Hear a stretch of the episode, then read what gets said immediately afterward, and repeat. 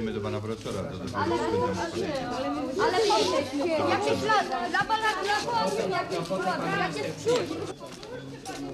Tak dobijano się do profesora Stanisława Tołpy w latach 80. XX wieku w pracowni przy ulicy Rozbrat we Wrocławiu. Ludzie zjeżdżali zewsząd, nocowali albo okupowali pracownię od świtu.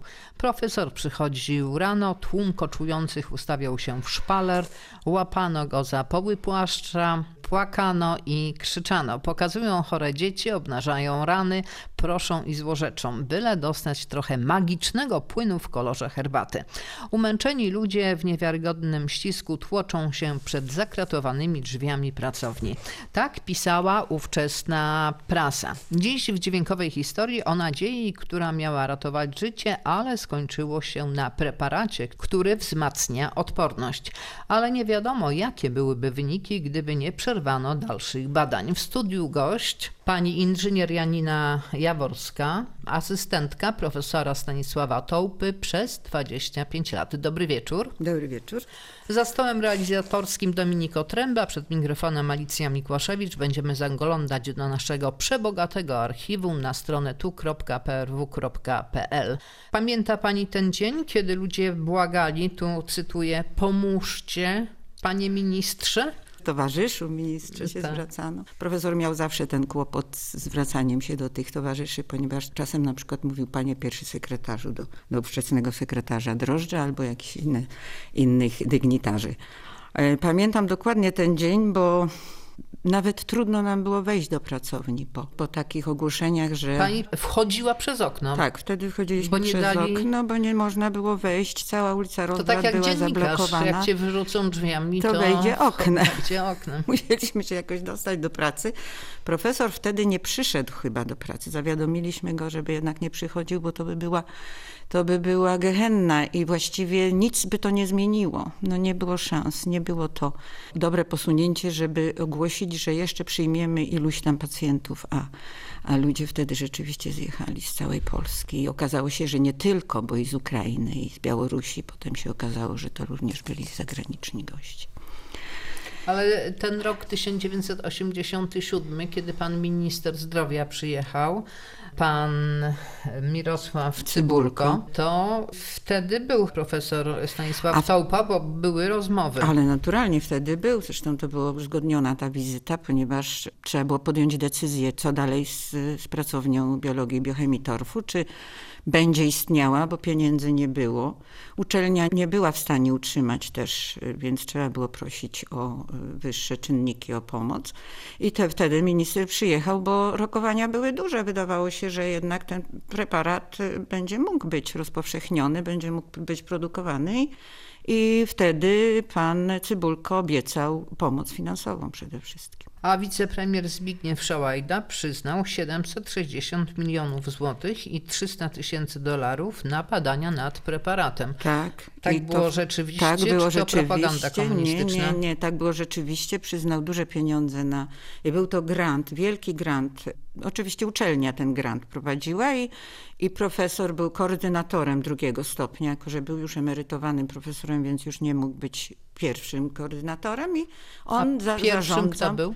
Zarządzał, no to były władze rektorskie, tam jakieś Mhm. to było, bo to te sprawy administracyjne to ja już nie pamiętam, zresztą nie siedziałam Rozumiem. w tym. I profesor właściwie zarządzał rozdawnictwem tych pieniędzy, zarządzał. Potem stąd był, można było te badania kliniczne prowadzić, które prowadziły ośrodki w całej Polsce. Prasa ówczesna pisała, że w powojennej Polsce żadnego leku nie badano z takim rozmachem. Tego to ja nie wiem, czy żadnego, ale, ale fakt, że rozmach był ogromny. Te ośrodki, głównie łódzka y, uczelnia wojskowa, Akademia Medyczna, wrocławska uczelnia, warszawska, krakowska i bydgoszczka chyba y, też. I wszystkie te ośrodki prowadziły badania, no bardzo dużo osób było Może zaangażowanych. dlatego, że pieniądze były. Naturalnie, przede wszystkim, przede wszystkim. Były pieniądze i właściwie czasem mi się wydawało nieograniczone. To było coś niesamowitego, że można było zlecać te badania w różnych kierunkach i zresztą nasi naukowcy w klinikach naszych wrocławskich się też zaangażowali w tę sprawę i, i dużo badali To już wiemy, o czym dzisiaj będziemy rozmawiać. Zacznijmy jednak od początku. Stanisław Taupa, chyba mało kto wie, najpierw ukończył studia teologiczne, a następnie podjął naukę na Wydziale Matematyczno-Przyrodniczym Uniwersytetu imienia Jana Kazimierza w Lwowie, które zakończył doktoratem na temat torfowisk Czarnochory i był to 1929 rok. On już na tyle interesował się torfem, że napisał doktorat na ten temat. Ale sława przyszła ponad 50 lat później. Cały czas, czyli pół wieku, pracował nad właściwościami torfu. Skąd Tołpa, jeszcze wtedy doktor, znalazł się we Wrocławiu, bo przecież pochodził z obecnej Rzeszowszczyzny, a dokładnie Rudy Łańcuckiej, posłuchajmy Leczka Mordorskiego i Anny Piwowarskiej. Profesor Stanisław Tołpa do Wrocławia przyjechał w 1945 roku. Do legendy przeszła już jego droga do stolicy Dolnego Śląska. Pociąg, którym naukowiec jechał, utknął w okolicy Oleśnicy. Stanisław Tołpa za butelkę samogonu kupił od radzieckiego wojska wielbłąda i na nim przyjechał do Wrocławia, o czym zresztą często opowiadał swoim współpracownikom. Opowiadał to z taką trochę ironią, ale jednocześnie mm, taką, y, taki zadowolony był, że mógł na wielbłądzie przyjechać do Wrocławia. No, szły te wojska rosyjskie, radzieckie wtedy w tę stronę i on razem z nimi po prostu gdzieś pod Oleśnicą się wszystko zamknęło, nie, mog, nie mieli czym przyjechać i, i nagle gdzieś się tam wielbłąd, gdzieś się oni ciągnęli, ci radzieccy żołnierze, te wielbłądy gdzieś się pokazał i po prostu profesor z nimi utargował. Życie w powojennym Wrocławiu było ciężkie. Profesor Stanisław Tołpa od razu zajął się pracą naukową, ale oznaczało to m.in. odgruzowywanie sal wykładowych, porządkowanie sprzętu, pracę w spartańskich warunkach. W 1946 roku już wykłady były tutaj. Warunki były trudne. Pamiętam, że pierwsze wykłady, no to były w jesieni. Okna nie były, proszę panią, jeszcze zakryte szybami.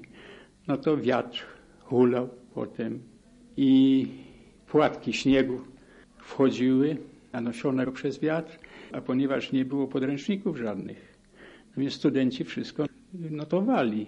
Mówi, panie profesorze, proszę teraz przerwać, bo my się chcemy trochę ogrzać. No i gimnastyka była, zacieranie rąk i tak dalej. I powiedzieli już, i teraz y, proszę mówić. No, w, ten, w ten sposób. Stanisław Tołpa wrócił też na swoje ukochane torfowiska. Jeździł m.in. na bagna biebrzańskie. Razem ze współpracownikami przemierzał tereny m.in. na rowerach. Swoje naukowe królestwo ostatecznie stworzył w budynku przy ulicy Rozbrat na wrocławskim Śródmieściu. Pani przeszła już dół, górę i tak dalej. Teraz tutaj chodzi mianowicie o e, wyodrębnienie. To Tak, byłem- ten preparat, który z tamtego pokoju. Tak, to już pani powie. Y, Przychodzimy, tutaj go jeszcze odsalamy i tu jest rozdział na kolumnach. Chromatograficzny, kolumnowe to jest Proszę rozdział chromatografii. to schodzi tutaj Wchodzą te, frakcje i otrzymujemy takich cztery frakcje. Panie To profesorze, wszystko- dlaczego tego jest tak mało? proszę, Dlaczego tego jest tak mało?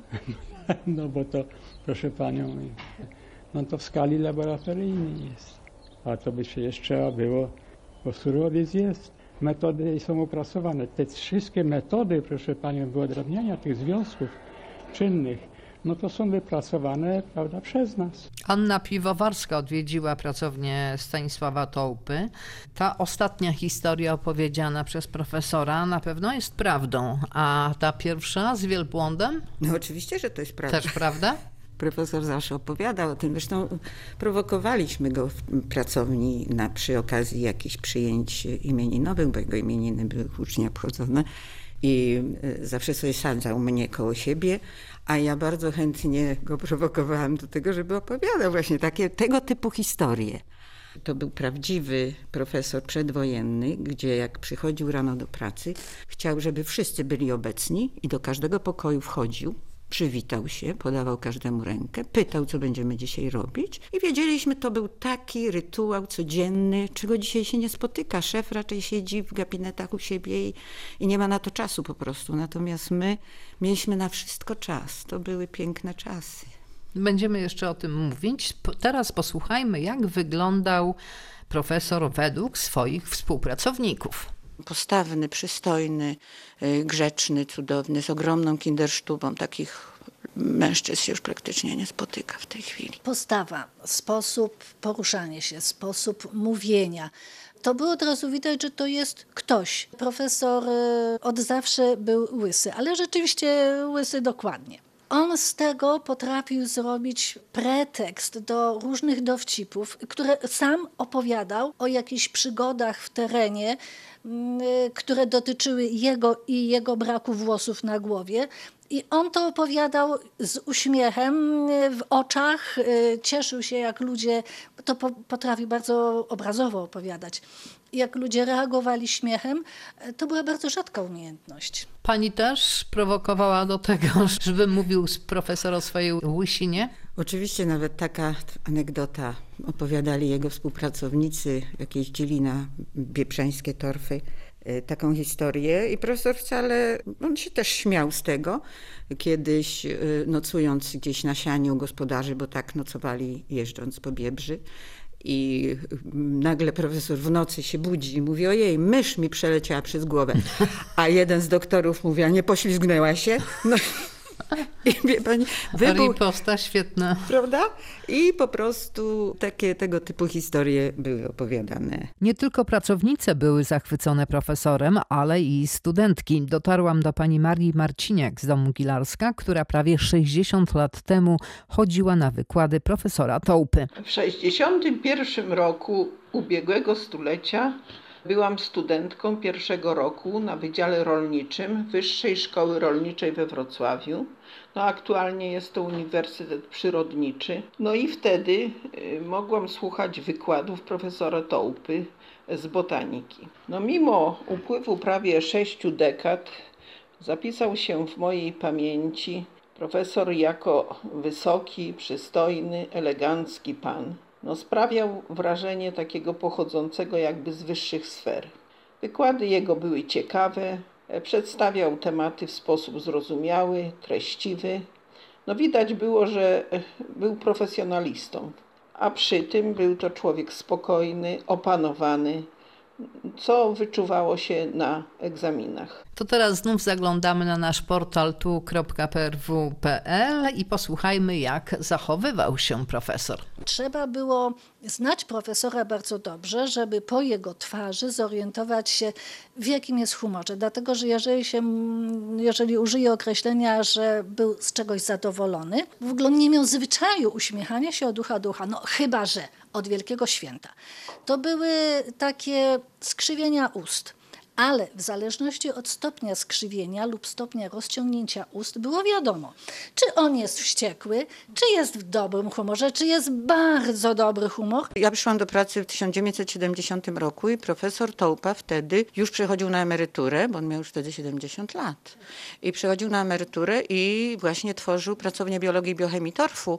I stąd y, przyjmował ludzi do pracy właśnie do tej pracowni. Od razu przeszliśmy do rzeczy, czego ode mnie oczekuje. Ja po technikum chemicznym byłam przygotowana chemicznie do, do takich prac, no ale wiadomo, laboratorium, y, inne, inne możliwości, wszystko i, i właściwie, ale świetnie się współpracowało z profesorem. Rzeczywiście znalazłam swoje miejsce y, w pracowni biologii i biochemii torfu. Się wiedziało, co jest, cały czas się żyło tym wszystkim. No w końcu to prawie ponad 10 lat tam byłam, no to po prostu się było jednym członkiem z wielkiej, wielkiej grupy, nad którą pieczę trzymał profesor. I nam to bardzo pasowało. Czuwał nad ludźmi, to znaczy lubił wiedzieć, ale to nie było na zasadzie wścibstwa, absolutnie. To po prostu było takie uprzejme, szalnie miłe zainteresowanie. Człowiek nie był kimś y, anonimowym, a to pomagało profesorowi raz, że y, ogarnąć, w końcu tam były prawie same babki, no więc ogarnąć babiniec, żeby się babiniec nie pokłócił, się nigdy nie pokłócił,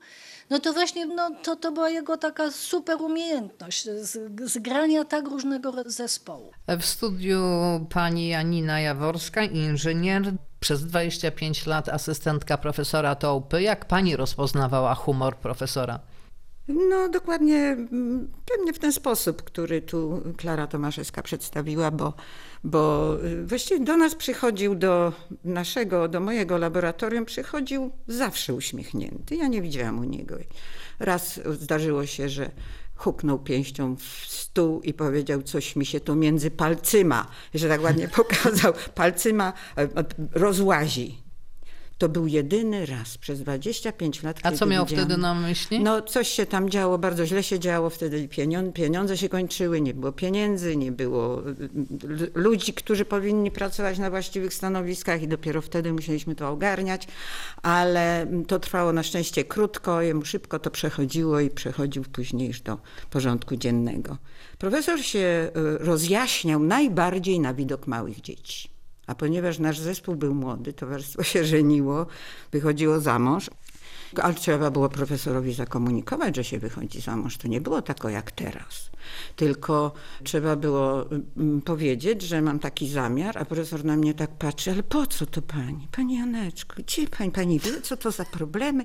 Ja mówię, no nie wiem, ale chyba muszę spróbować. Ale żonę miał profesor. A żonę miał fantastyczną i w ogóle A nosił... Wręcz, tak, córkę Ewę jedną. Żonę miał i bardzo ją kochał i tak mi się przypomina jedna taka sytuacja, kiedy profesor opowiadał właśnie też przy jakiejś, jakiejś okazji, a nawet to mogło być y, jak rano przyszedł, bo czasem przysiadał, jak miał czas to przysiadał. I opowiadał o tym, że jego żona to taka no, no, cudna kobieta, zawsze o niej pięknie mówił. A najbardziej nie dawała sobie rady z rachunkami, z pieniędzmi. Mimo, że tam ktoś pomagał, to połowa miesiąca ona do mnie przychodzi i mówi, Stachu, daj pieniądze. A on mówi, no przecież dałem ci już całą pensję. No ale ja już nie mam. Ale mówił to z takim, takim uczuciem, takim rozbawieniem. Nie mówił tego w formie krytycznej. Nie, tylko takim, że ona jest taka wspaniała, że tak szybko wydała pieniądze. No, świetnie. Każdy marzyłby o takim mężu. Tak, oj tak, oj tak. A jeżeli chodzi o rozdawanie tych cukierków, to była pani córka, bo słuchałam takiego dźwięku. Tak, tak. Proszę przyprowadzić Basię, bo jak się Basia już urodziła, to on się strasznie cieszył. Proszę przyprowadzić, to się zawsze elegancko dziecko ubierało i szło do profesora. No, schodził na parter profesor wtedy, na wysokości dziecka. I zawsze miał w kieszeni jakiś cukierek, jakąś czekoladkę, których wtedy brakowało, bo to 80 lata. I zawsze z takim uwielbieniem patrzył. Strasznie lubił dzieci. To teraz przejdźmy do jego badań, które trwały ponad pół wieku więcej. No, Gdzieś właściwie tak. od początku, ponad pół wieku. torfoznawstwo z zastosowaniem praktycznym. W tym kierunku prace szły. Ja już miałem pewien dorobek naukowy przedwojenny. Myśmy przebadali jakieś 600 tysięcy hektarów. Zostały sporządzone dokumentacje, kartoteki, w których zawarta jest charakterystyka wszystkich podstawowych elementów surowca torfowego, no i przydatność, do jakich celów nadają się. To ogromna praca. Profesor jak przychodził do pracowni, witał się z każdym. Oczywiście wchodził profesor do pracowni, do pokoju, wszyscy wstawali i nie stanęli na baczność, tylko wstawali. Ten szacunek do profesora ogromny, każdemu podawał rękę i pytał, co dzisiaj będziemy robić. I om- plan był omawiany. Potem to wszystko idzie tutaj, do wyparek. Tam do góry pani nosi po hydrolizie już i na Tak. ten. Ma pani tutaj gdzieś? Nie, nie mam przed chwilą, żeśmy zanieśli, tu się setka kończy Aha. w tej chwili. Aha. Dziś za jakieś pół godziny będzie i to dajemy na górę do następnego zagrożenia. To jest pierwszy etap tutaj, a na górze jest drugi i trzeci. Ja pracowałam y, na zdjęciach lotniczych. Wtedy to był materiał tak zwany tajny i trzeba było mieć specjalne pozwolenie z SB na pracę na materiale tajnym. No jak się stawiłam na muzealnej, rozmowa, której nigdy nie zapomnę, bo to była koszmarna rozmowa. W każdym razie w efekcie końcowym e, taka troszeczkę na zasadzie rozmowy z, jak z głupiem. Ja swoje, druga strona swoje.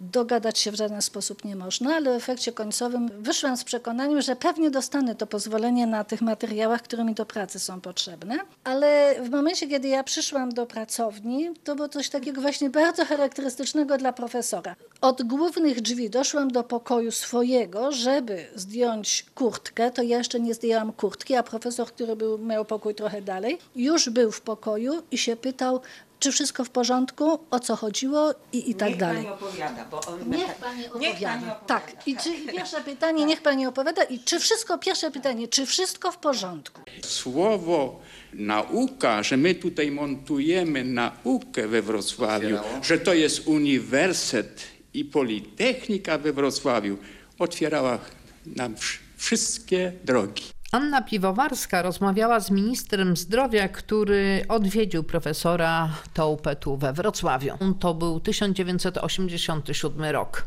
Jak pan minister myśli, kiedy można by tym ludziom, którzy tam stoją, obiecać, że pierwszy preparat, wszystko jedno pod jaką postacią będzie do ich dyspozycji? Dzisiaj z panem profesorem żeśmy przeprowadzili rozmowę mm, co do, do dalszego postępowania, jeśli chodzi o badania, programu badania nad tym preparatem, dlatego że w zasadzie w tej chwili nie jest on jeszcze zarejestrowany jako lek.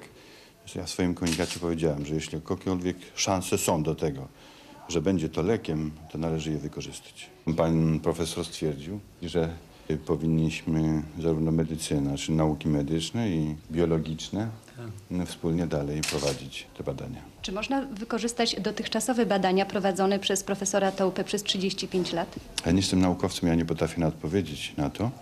Natomiast pan profesor sądzę, że może coś w tym temacie powiedzieć. No oczywiście. Przez fachowców, onkologów będą wykorzystane. Tak przynajmniej się na to zanosi. W dzisiejszym posiedzeniu myśmy to między innymi profesor Waszkiewicz stwierdził, że wykorzysta te badania. Czy ustalono powołanie terminu zespołów klinicznych, które zajmą się tymi badaniami? Nie, dopiero dzisiaj zaczęliśmy na Tak. ten temat z panem profesorem rozmowę, a chcę wrócić do pani pierwszego pytania. Otóż myślę, że y, spotkania z profesorem Danyszem, z innymi y, profesorami z Akademii Medycznej, również z Wrocławia, dadzą już jakąś odpowiedź na ten temat, jak dalej będzie postępowało badanie. I wykorzystanie tego, co robiliśmy dotychczas w pierwszym i drugim etapie, lat 81 i drugiego, sądzę, że należy wrócić do tych badań również, które były poprzednio. Ja sądzę, panie ministrze, że to będzie zasadniczy zwrot. Ja myślę, że trzeba mieć nadzieję. Ale czy tylko nadzieję, panie ministrze? W tej chwili tak. Czy to musi być koniecznie lek? Czy nie może to y, być udostępnione ludziom jak najprędzej pod nazwą na przykład preparat ziołowy? O tym też dzisiaj rozmawialiśmy. I będzie taka szansa. Nie potrafię odpowiedzieć w tej chwili, muszą być badania. Czy to był jakiś y, historyczny, dziejowy moment? Wizyta ministra zdrowia po tych 35 latach w instytucie? No ja myślę, że się powinno zmienić to. Powinno się zmienić. W każdym razie doszliśmy do porozumienia. Panie profesorze, mówi pan to na tle krzyków ludzi za drzwiami, Tak. którzy błagają o preparat. No ja sądzę, że jeśli te warunki zostaną dotrzymane i spełnione, to ma duże znaczenie. W każdym razie myśmy ustalili, że musi być ścisła współpraca między ministerstwami. W pierwszej tej fazie tych badań będziemy zmierzać do tego, żeby osiągnąć rejestrację jako leku ziołowego. I wtedy ludzie będą mogli nabyć dowolną ilość y, preparatu, bo o to głównie chodzi. Jeżeli to sprawnie wszystko pójdzie, to w ciągu roku może być uruchomiona większa produkcja. Mówię w imieniu męża, który był operowany w 72 roku na nowotwór złośliwy usuniętą krtań. Po pół roku dalsze przerzuty. Nie było żadnego już wyjścia, powtórna operacja, która miała się odbyć, ale mąż się nie zgodził. Potem dotarliśmy do pana profesora Tołpy. Mąż pije preparat 15 lat. Czuje się doskonale. Nie mamy słów dla pana profesora Tołpy. Przedłużył życie już 15 lat. Moja tragedia zaczęła się przed dwoma laty. Stwierdzono u mnie na wysokości paska spodni małą plamkę czarną, która okazała się przy bliższych badaniach czerniakiem. Lekarze stwierdzili, że trzeba to natychmiast operować. Przerażony tym zacząłem szukać ratunku za granicą. Pojechałem do NRF-u, do Francji, gdzie otrzymałem te same wiadomości, co i od naszych lekarzy, że na to nie ma innej rady, jak tylko operacja. Wróciłem do kraju i poddałem się takiej operacji. Po udanej operacji okazało się, że mam następny przerzut i następna operacja na węzłach pachowych. Po minach lekarzy i personelu medycznego stwierdziłem, że jestem spisany na straty, że pocieszają mnie słowem, pocieszają mnie spojrzeniem, ale przede mną jeszcze kilka miesięcy życia. Próbowano mnie dać na chemię. Przyjąłem początkowe leczenie chemiczne, które zrujnowało całkowicie moją krew. Doprowadziło mnie do stanu, że nie mogłem z łóżka wstać. Przerwałem to i poszedłem sam do profesora Tołpy. Bez żadnych znajomości. Profesor przyjął mnie zupełnie bezinteresownie i kazał mi przychodzić na zaszczyki. Powiedział, że podejmie się tego leczenia. W maju będzie dwa lata, nie ma żadnego nawrotu. Plamki podobne jak były te, które miałem na ciele, zniknęły. W tej chwili czuję się bardzo dobrze i uważam, że profesor ze swoim dziełem jest genialny. Jestem w stanie udowodnić, że jego lek, a nie żaden inny, doprowadził mnie do stanu człowieka normalnie zdrowego. Pani Janina Jaworska, jak, jako asystentka pracowni Stanisława Tołpy, jak reagowali pracownicy na to, że tyle ludzi tam chce się dostać, błaga wręcz o ten lek, opowiada o swoich historiach choroby? Jak to wpływało na pracowników? No było to bardzo przybijające. No, każdy przypadek ciężki, inny, rozpacz tych ludzi, to na nas bardzo źle to wszystko wpływało i sama świadomość, że nie możemy pomóc, no nie jesteśmy w stanie tego wszystkiego opanować, to była bardzo przykra rzecz. Ale jak ludzie przychodzili, Sytuacje. bo przychodziło ich bardzo dużo i, i widzieliśmy tę radość i rodzin, którzy odbierali preparat y, dla chorych, to, było, no to była ta satysfakcja, naprawdę. To tylko ta jedna rzecz nas jakoś tak trzymała, że jednak pomaga, że, że można ludziom pomóc. A jak doszło do tego, że ten preparat Tołpy ma właściwości antynowotworowe?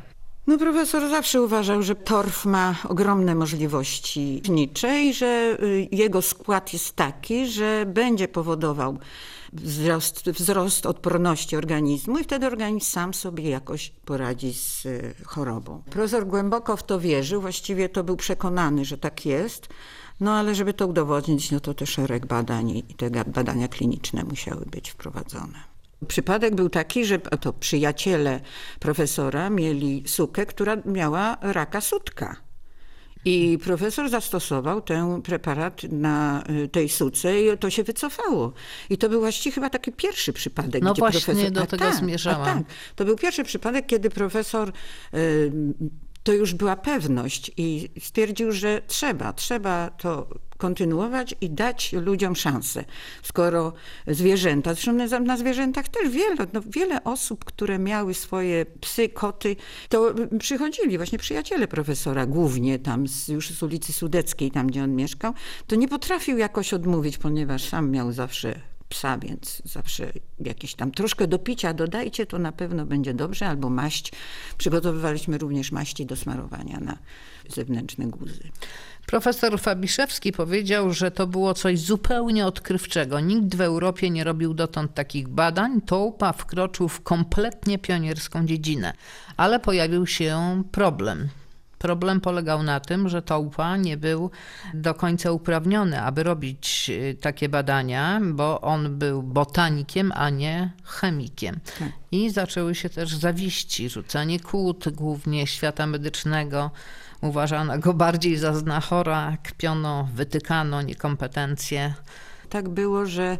Ale profesor zawsze podkreślał, że przecież lekarstwa nie wymyślają e, lekarze czy, czy jacyś wielcy specjaliści, tylko najczęściej ludzie, którzy albo przypadkowo wpadają na jakiś temat, albo po prostu wiedzą, czują to. Intuicja naukowca jest taka, że czuje to. Jeżeli ma jakąś hipotezę, zakłada sobie, że, że to będzie tak, to dąży do tego i stara się udowodnić. I profesor taki był, ale te kłody pod nogi A to nie mógł strasznie. zdobyć tych uprawnień, tych kompetencji do prowadzenia badań? On już, jeżeli... On już był na Był emeryturze? już na, tak, jak już powstawała pra, pracownia torfu, to on już y, był y, przecież po siedemdziesiątce, więc już starszy pan, to ja już nie widziałam takiej... Zresztą nie rozmawiałby się o tym. Ja sobie nie przypominam, żeby się mówiło, żeby on sam zdobywał. Dlatego on się otaczał później ludźmi z farmakognozji, y, lekarzami, farmaceutami i lekarze z y, naszych szpitali wrocławskich chętnie podejmowali się tych badań na pacjentach, ginekolodzy na pacjentkach,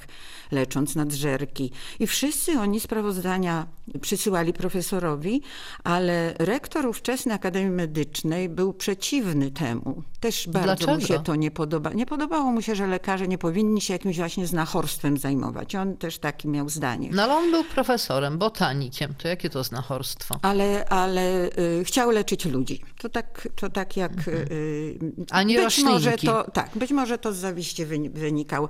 Y, Stwierdzał czasem, właśnie takie były twierdzenia, że niech sobie robi badania na myszkach, niech sobie robi na pszenicy, bo też były, y, spryskiwana była pszenica tymi biostymulatorami i, i um, naprawdę wyniki były rewelacyjne. To jeszcze w 70 latach się zaczęło. A la- raczej do ludzi, leczenia ludzi to jesteśmy my. No i stąd się wzięły takie różne zawiści, bo były. Ale większość lekarzy wrocławskich bardzo chętnie współpracowała z, z profesorem, ale e, powoli się zaczęli wycofywać. Dlaczego? A no dlatego, że rektor to był ich szef w, tych, e, w klinikach, więc wiadomo, chcieli że podpaść. nie chcieli po prostu mieć zatargów i Do powoli. profesora ponoć trafiło dwóch kilkuletnich chłopców z ziernicą złośliwą. Co się z nimi stało? No to chyba więcej niż dwóch, ale tych dwóch głównie, wie pani, że ja z jednym mam kontakt do dzisiaj. Tak? On telefonuje czasem do mnie, a, a jego ojciec y, karteczki do mnie pisze i po prostu... Z wdzięcznością. No wiadomo, że to takie miłe jest, a jeden z nich jest y, architektem, ale bardzo pięknie maluje, takie graficzki od niego dostawałam też, jakiejś ze starówki warszawskiej i to takie jest, to jest to budujące i to miłe, że, że jednak żyją. I oni się pożenili, mają dzieci, to się, to się wszystko tak, tak pięknie potoczyło. A jakaś pani z Kanady przyjechała z rakiem piersi?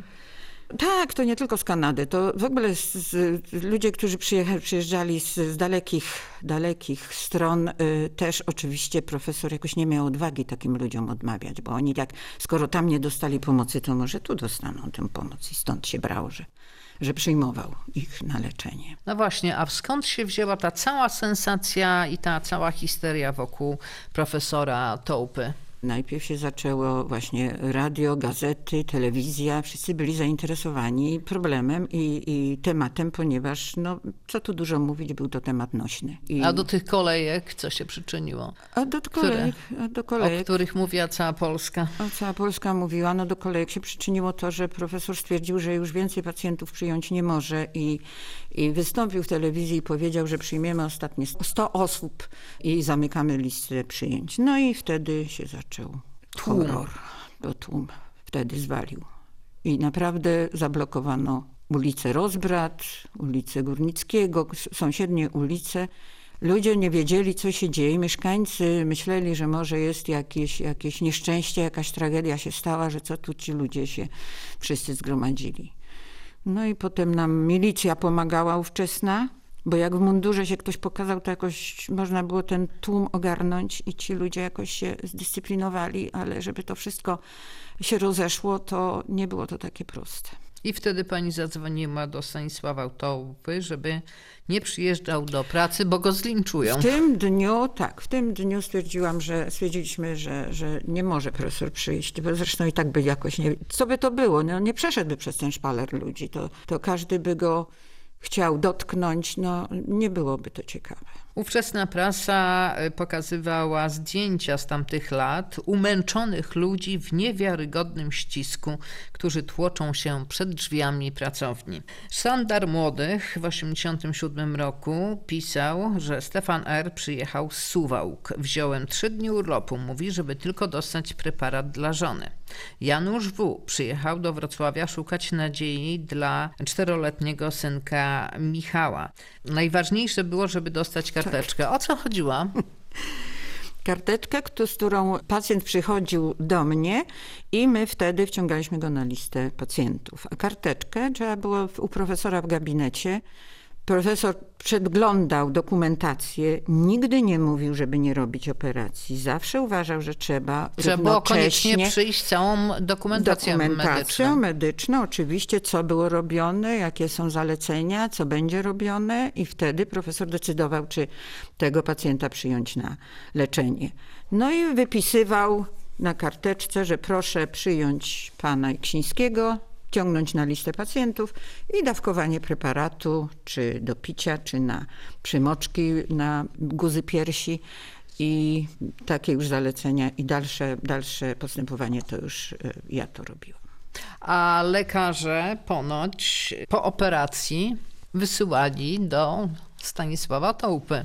Wysyłali do Stanisława Tołpy, bo sami widzieli, że jedyna rzecz, która jeszcze może pomóc pacjentowi, to jest preparat. I, Ale nie przyznawali ale się się do nie tego przyznawali, chyba. właśnie, nie przyznawali się, tylko tak mówili z boku, że można, tylko proszę nie mówić, że to ja mówiłem, więc zresztą sami lekarze też przychodzili, też przychodzili po pomoc dla siebie, dla rodziny, dla najbliższych i prosili o to, żeby przyjąć na listę pacjentów, bo, bo widzieli w tym szansę. Widzieli zresztą pacjentów, którzy przy, zgłaszali się do nich na kolejne kontrole, którzy brali preparat i widzieli efekty działania preparatu. Gazety z drugiej połowy lat 80. XX wieku odmieniały słowo nadzieja przez wszystkie przypadki. E, Zacytuję: Gram nadziei, nadzieja rośnie, dawki nadziei, bliżej nadziei. Czy można mieć nadzieję? Niesie nadzieję, nadzieja bliska spełnienia. Jak reagowaliście? Tak, to ta nadzieja to było, to było słowo klucz. Rzeczywiście, no cały czas była nadzieja, że będziemy mogli robić więcej preparatu, że będziemy mogli jakoś to zarejestrować, że będziemy my mogli robić już jakąś swoją bardziej subtelną pracę w sensie takim, że można będzie dalej robić badania, a, a przejmie ktoś produkcję jako taką preparatu. To to była ta nadzieja największa. Ponoć właściwie cały personel i sam Tołpa codziennie rano pili pełną literatkę tego roztworu torfowego. No może nie wszyscy i nie codziennie rano, Ale natomiast pani donosiła profesor, mu literatkę? Profesor Tołpa pił codziennie zleweczkę 50 ml, która stała u nas w pracowni na łaźni wodnej. Grzała się. I profesor wchodził, witał się i wypijał. Ona mu podawała ten, tę, tę zleweczkę i wypijał. Od razu mu się humor poprawiał. On był przekonany, że on się świetnie, wtedy już ranek ma dobrze rozpoczęty. Preparat pojawił się na czarnym rynku. Ponoć Różnie. sprzedawano go na placu Grunwaldzkim. Podobno, podobno. Sama zresztą niestety doświadczyłam tego, bo chciałam to sprawdzić, jak doszły mnie do takie słuchy. Czyli okazywało się... Pani się wtedy zamieniła w dziennikarkę, jak to było? Prawie. Po prostu chciałam sprawdzić, jak to jest, a ogłoszenia były, że ktoś chce sprzedać preparat. I wtedy się okazało, że nie żądaliśmy dowodu osobistego podczas wydania preparatu pacjenta, bo się okazało, że jak pacjent zmarł, to ludzie dalej przychodzili i rzeczywiście sprzedali. I ja się wtedy rzeczywiście raz podszyłam pod taką klientkę, która chciała zakupić preparat. No i, i ja zobaczyłam, że jest to moje opakowanie, czyli to był rzeczywiście preparat. I nie mogłam się nadziwić, skąd pani to ma. No i wtedy stwierdziliśmy, że trzeba jednak żądać dowodu osobistego przy wydawaniu preparatu. Oczywiście A ile ta kobieta chciała za taką butelkę Ja tego wyciągu pamiętam, ale torfowego? chyba 500 zł na owe pieniądze.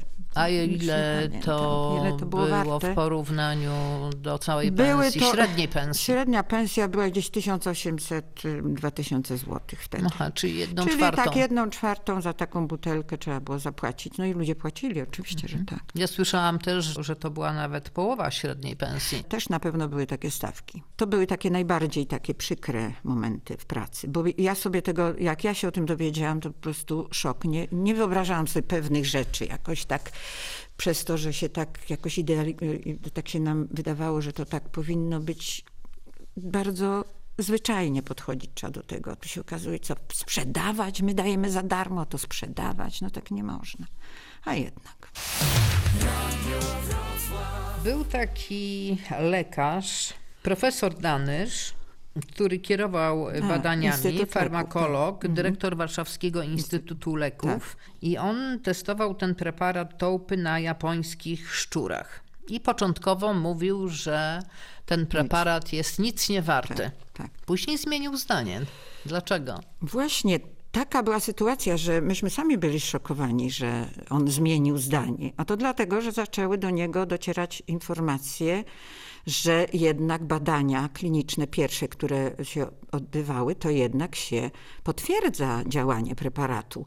Się spotkał z zespołem farmakognozów, farmak, z farmakognozji y, z profesorami z, z różnych innych ośrodków i zaczęli rozmawiać merytorycznie, bo profesor Tołpa, no niestety język medyczny czasem był mu obcy, no bo był botanikiem, dlatego on się musiał otoczyć ludźmi, którzy potrafili roz, rozmawiać profesorem Danyszem.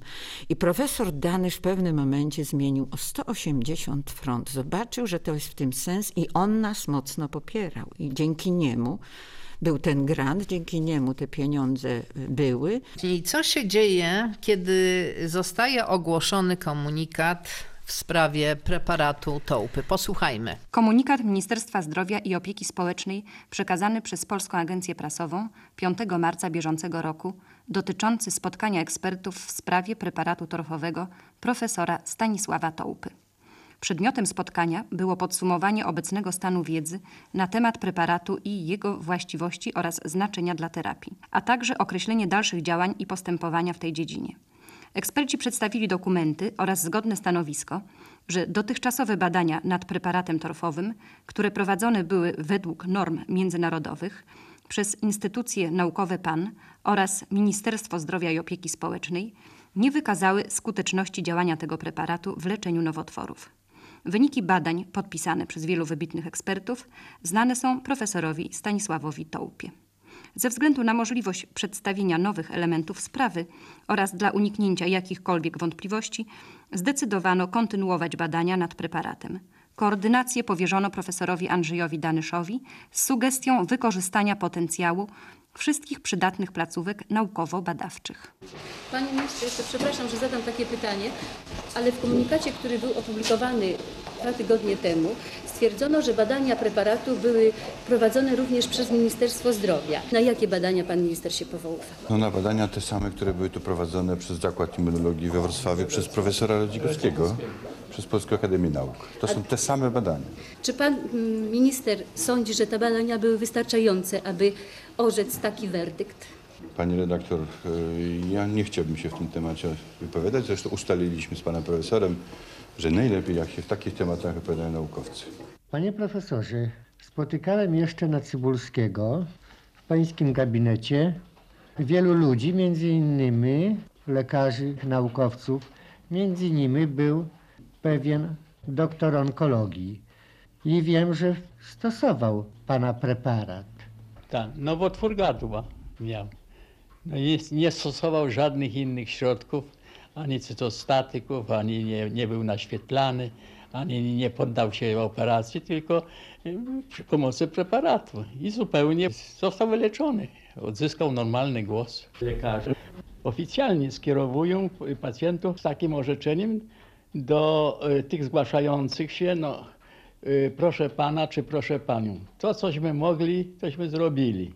A teraz proszę iść y, do profesora Tołpy, rozbrać 7. Jeżeli on się zgodzi, to proszę skorzystać z tego preparatu.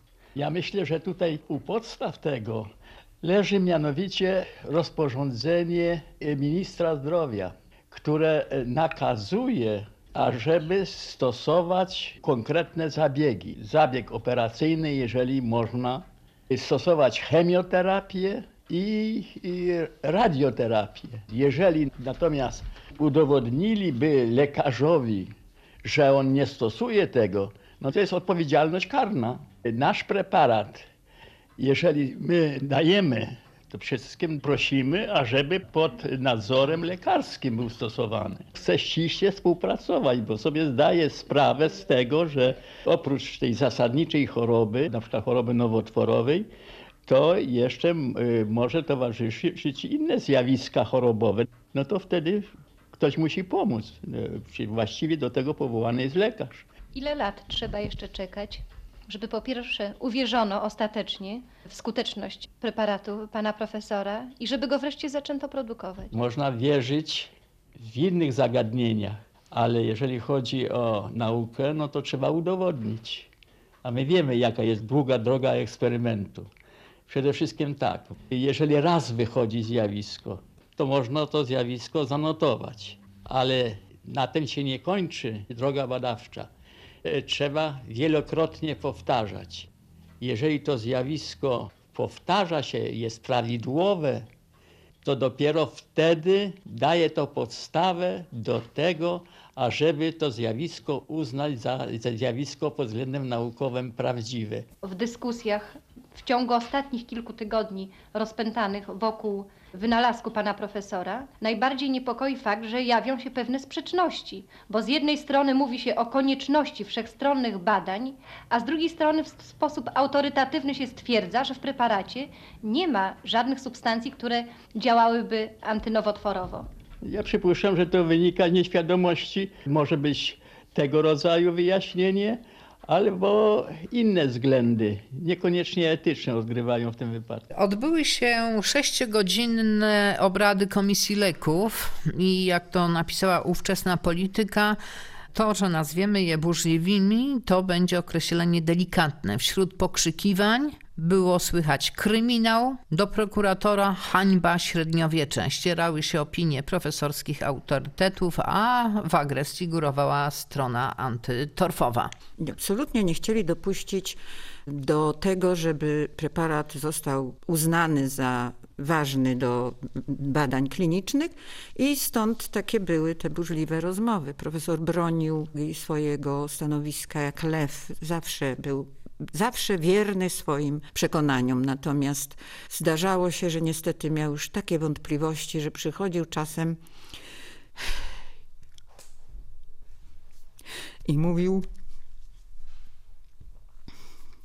że kłody pod nogi są nam rzucane, ale my musimy iść do przodu. Z tym, że ciągle wydaje mi się, tyle lat już to badam, a dalej jestem na początku drogi.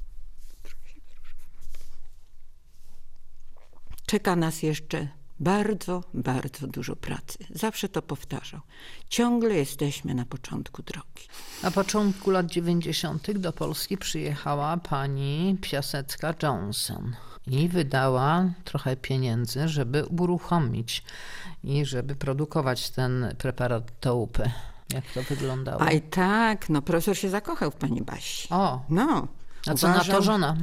A żona też uwielbiała panią Basię. Pani Basia pięknie mm, przedstawiła się profesorowi, wszystko mu powiedziała, jak ona to widzi, że ona zainwestuje duże pieniądze, ale kota w worku kupować nie będzie. Proponuje, żeby wysłać jednego z pracowników do y, przez nią wskazanych w Stanach y, ośrodków i żeby przepada, przebadali preparat. No i pojechał doktor Gąsiorowski, który się zajmował wtedy mikrobiologią y, preparatu i wziął worek, śmialiśmy się, że wziął worek preparatu, zapakowaliśmy mu różne frakcje preparatu.